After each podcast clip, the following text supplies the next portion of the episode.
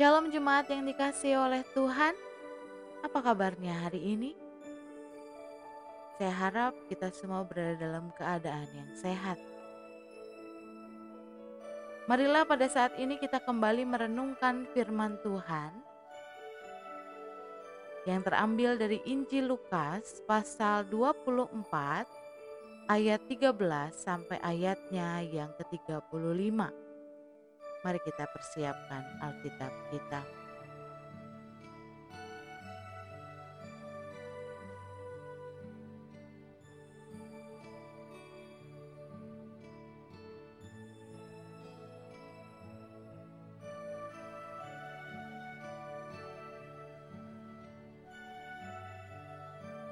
Jika Alkitab telah kita persiapkan, marilah pada saat ini kita mempersiapkan hati dalam doa.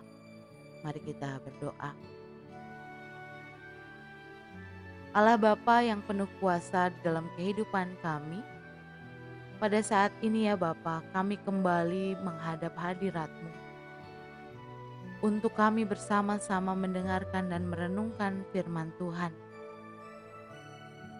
Biarlah firman yang kami dengar pada hari ini dapat menguatkan setiap kami di tengah situasi saat ini yang mungkin semakin sulit. Ya Bapa, bantu kami untuk mengerti, bantu kami untuk melakukan firman-Mu di dalam kehidupan kami. Ya Bapa, kami menyerahkan juga keluarga kami ke dalam tangan pengasihan. Bantu kami sebagai sebuah keluarga, agar kami dapat terus menyatakan cinta kasih-Mu di tengah-tengah kehidupan kami. Bantu kami sebagai sebuah keluarga agar kami dapat terus melakukan firman di dalam setiap kehidupan kami. Ya Bapa, biar Roh Kudusmu membantu dan memampukan kami. Hati kami sudah kami buka, pikiran kami sudah kami tujukan hanya kepadamu. Inilah doa dan permohonan kami Ya Bapa, bersabdalah kepada kami semua. Kami siap mendengarkan. Di dalam nama Putra Tunggalmu Tuhan kami, Yesus Kristus, kami berdoa. Amin. Mari kita simak bersama-sama pembacaan kita yang terambil dari Injil Lukas pasal 24 ayat 13 sampai ayatnya yang ke-35 yang berbunyi demikian. Pada hari itu juga dua orang dari murid-murid Yesus pergi ke sebuah kampung bernama Emmaus yang terletak kira-kira tujuh mil jauhnya dari Yerusalem. Dan mereka bercakap-cakap tentang segala sesuatu yang telah terjadi Ketika mereka sedang bercakap-cakap dan bertukar pikiran, datanglah Yesus sendiri mendekati mereka, lalu berjalan bersama-sama dengan mereka. Tetapi ada sesuatu yang menghalangi mata mereka, sehingga mereka tidak dapat mengenal Dia. Yesus berkata kepada mereka, "Apakah yang kamu percakapkan sementara kamu berjalan?" Maka berhentilah mereka dengan muka muram. Seorang dari mereka namanya Kleopas menjawabnya, Adakah engkau satu-satunya orang asing di Yerusalem yang tidak tahu apa yang terjadi di situ pada hari-hari belakangan ini? Katanya kepada mereka, "Apakah itu?" Jawab mereka, "Apa yang terjadi dengan Yesus orang Nazaret? Dia adalah seorang nabi yang berkuasa dalam pekerjaan dan perkataan di hadapan Allah dan di depan seluruh bangsa kami. Tetapi imam-imam kepala dan pemimpin-pemimpin kami telah menyerahkan dia untuk dihukum mati. Dan mereka telah menyalibkannya. Padahal kami dahulu mengharapkan bahwa dialah yang datang untuk membebaskan bangsa Israel. Tetapi sementara itu telah lewat tiga hari sejak semuanya itu terjadi. Tetapi beberapa perempuan dari kalangan kami telah mengejutkan kami. Pagi-pagi buta mereka telah pergi ke kubur dan tidak menemukan mayatnya. Lalu mereka datang dengan berita bahwa telah kelihatan kepada mereka malaikat-malaikat yang mengatakan bahwa ia hidup. Dan beberapa teman kami telah pergi ke kubur itu dan mendapati bahwa memang benar yang dikatakan perempuan-perempuan itu. Tetapi dia tidak mereka lihat. Lalu ia berkata kepada mereka, "Hai kamu orang bodoh, betapa lambannya hatimu, sehingga kamu tidak percaya segala sesuatu yang telah dikatakan para nabi. Bukankah Mesias harus menderita?" Semuanya itu untuk masuk ke dalam kemuliaannya. Lalu ia menjelaskan kepada mereka apa yang tertulis tentang dia dalam seluruh kitab suci. Mulai dari kitab-kitab Musa dan segala kitab nabi-nabi. Mereka mendekati kampung yang mereka tuju. Lalu ia berbuat seolah-olah hendak meneruskan perjalanannya tetapi mereka sangat mendesaknya, katanya.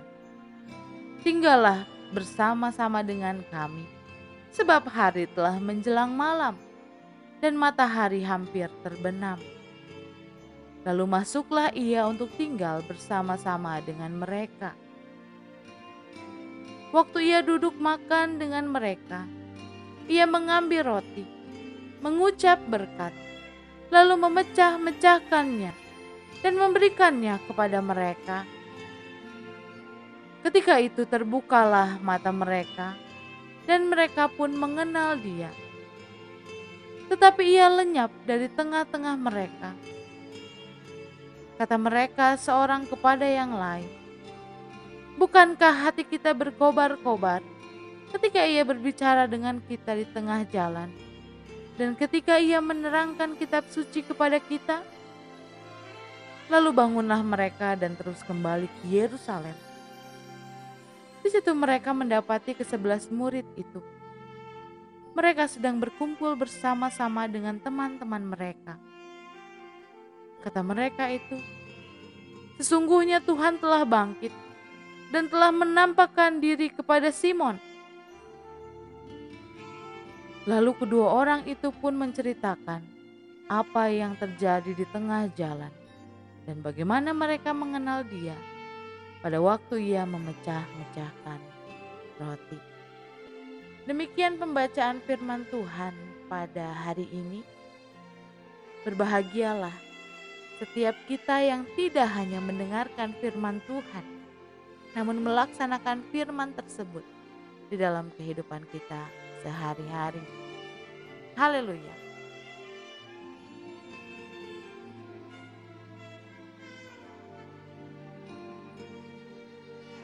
Jemaat yang terkasih,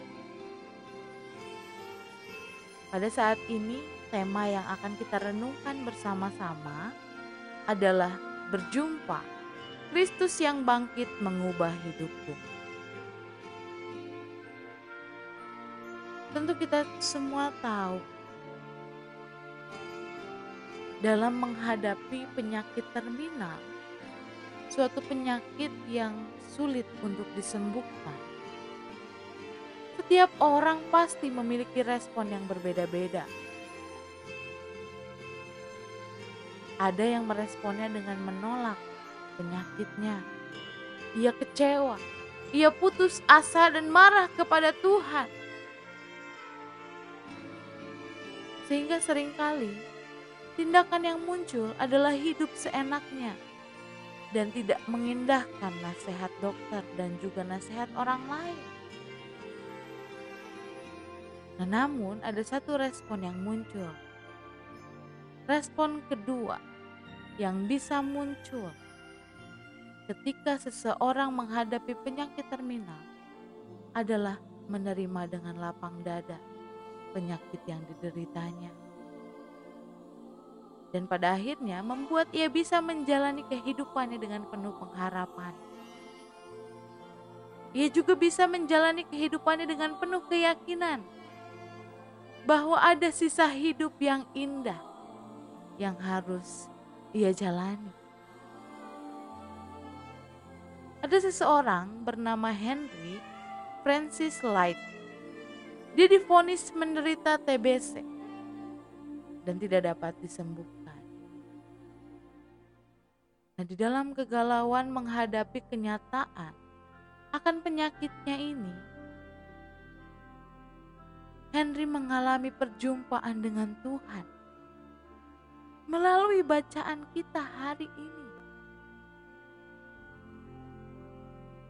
Maka akhirnya, dengan tekad yang kuat, ia mau menggunakan hidupnya sebaik-baiknya, walaupun dalam keadaan sakit.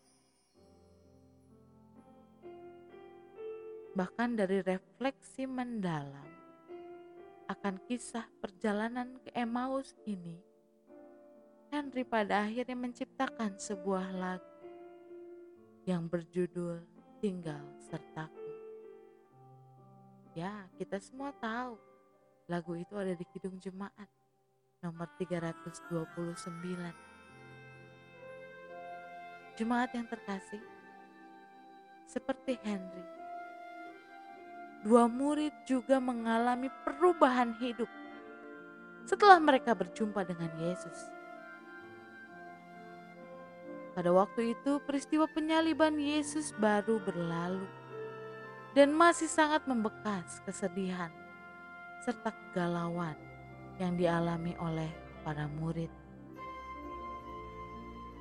Nah, jika kita melihat dengan cerita hari Minggu yang lalu, Menurut versi Injil Lukas, perjalanan ke Emmaus ini terjadi sebelum Yesus menampakkan diri kepada para murid. Sehingga suasana yang terjadi pada waktu itu adalah berita kebangkitan belum tersebar luas dan murid-murid masih terbayang-bayang akan kematian sang guru. Nah, maka Lukas memulai kisah ini dengan menceritakan dua orang murid Yesus yang bersiap pergi ke Emmaus.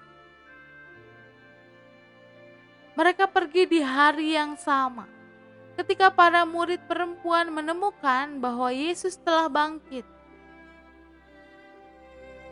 Tentu dengan ketidakmengertian yang mereka miliki, kabar tersebut menggoyahkan hati mereka pada akhirnya mereka memutuskan untuk kembali ke desa asal mereka yakni Emmaus. Dalam perjalanan tersebut, Yesus datang menghampiri mereka, bahkan berjalan bersama-sama dengan mereka. Namun sangat disayangkan, kedua murid ini belum menyadari identitas dari orang asing yang berjalan bersama dengan mereka. Karena dalam Injil Lukas dijelaskan ada sesuatu yang menutup mata mereka, sehingga mereka tidak mengenali bahwa orang asing tersebut adalah Yesus. Para murid memang mengenal Yesus sebagai Mesias. Dan seperti yang diungkapkan oleh Injil Lukas, di dalam benak mereka, Mesias adalah seseorang yang akan datang membawa mereka pada kemenangan. Mesias akan membawa bangsa Israel pada kebebasan. Di dalam benak mereka, Mesias akan tampil dan berperang, menyelamatkan bangsa Yahudi dari penjajahan Romawi maka atas dasar pemikiran seperti itu, mereka menaruh harapan yang tinggi pada Yesus yang mereka kenal sebagai Sang Mesias yang tidak akan terkalahkan. Ternyata Yesus menyelamatkan dan membebaskan mereka dengan cara yang lain. Dan hal ini membuat mereka kecewa karena tidak sesuai dengan harapan dan bayangan mereka tentang hadirnya Sang Mesias pada akhirnya kenyataan ini membutakan mereka. Mereka mengira bahwa Yesus gagal, dan hukuman salib lebih membuat mereka merasa kes, merasa sedih, merasa kecewa, merasa putus asa. Perasaan-perasaan inilah yang pada akhirnya membutakan mereka. Orang asing tersebut menemani perjalanan mereka ke Emmaus dan terlibat dalam percakapan serius dengan mereka. Dalam percakapan tersebut, kedua murid sangat jelas menggambarkan kekecewaan mereka. Hal tersebut memperlihatkan dengan jelas bahwa mereka tidak mengerti akan tugas yang harus dijalankan oleh Yesus. Dan orang asing pun menegur mereka. Namun mereka masih belum menyadari bahwa orang asing tersebut adalah Yesus. Sehingga pada akhirnya sesampainya di dekat Emmaus, mereka menawarkan kepada orang asing tersebut sebuah tempat untuk bermalam. Ini merupakan sebuah keramahan yang biasa dilakukan oleh orang-orang Yahudi kepada orang asing. Dan lalu Yesus menerima tawaran tersebut. Yesus kembali memperagakan ulang peristiwa perjamuan terakhir. Sebuah momen yang diingat oleh para murid. Dan akhirnya mereka pun tersadar Akhirnya mereka bisa melihat Yesus yang telah bangkit dan hadir di tengah-tengah mereka. Dan uniknya lagi, setelah mereka mengenali identitas orang asing tersebut yang adalah Yesus, Yesus langsung menghilang dari antara mereka. Meskipun demikian, jemaat yang terkasih, pengharapan mereka dipulihkan dan hati mereka berkobar-kobar. Lalu keesokan harinya, tanpa pikir panjang lagi, mereka langsung kembali ke Yerusalem.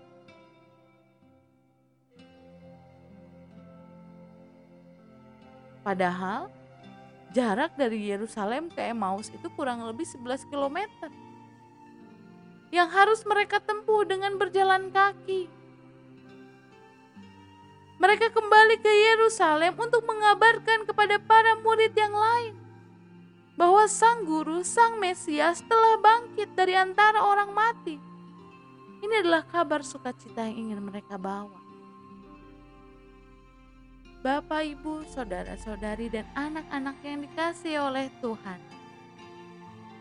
Kisah Henry ini senada dengan kisah yang dialami oleh para murid yang berjalan Emmaus. Perjumpaan dengan Yesus bisa terjadi dengan berbagai macam cara. Bisa kita temui melalui firman Tuhan yang kita baca, yang kita renungkan, seperti yang dialami oleh Henry. Atau perjumpaan langsung dengan Yesus seperti dua orang murid yang berjalan ke Emmaus atau bisa juga kita berjumpa dengan Yesus melalui orang-orang yang ada di sekitar kita. Atau bahkan bisa saja kita berjumpa dengan Yesus melalui pengalaman hidup yang manis hingga yang pahit sekalipun.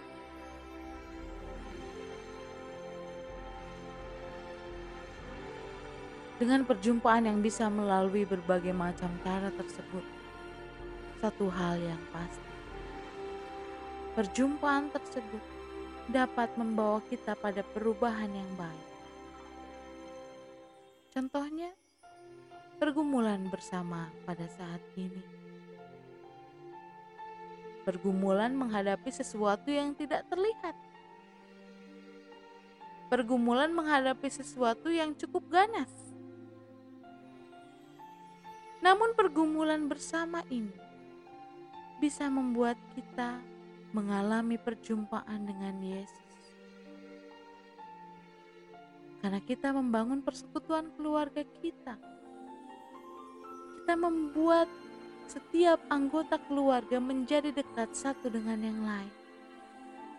Kita lebih berserah dan kita lebih berpengharapan kepada Tuhan. Dan juga di dalam kehidupan kita, sebisa mungkin kita membuat orang lain dapat bertemu dengan Tuhan di dalam setiap tindakan yang kita lakukan. Seperti contohnya kita bisa terus saling mendoakan satu dengan yang lain. Kita bisa saling membantu satu dengan yang lain. Terlebih di tengah situasi sulit pada saat ini.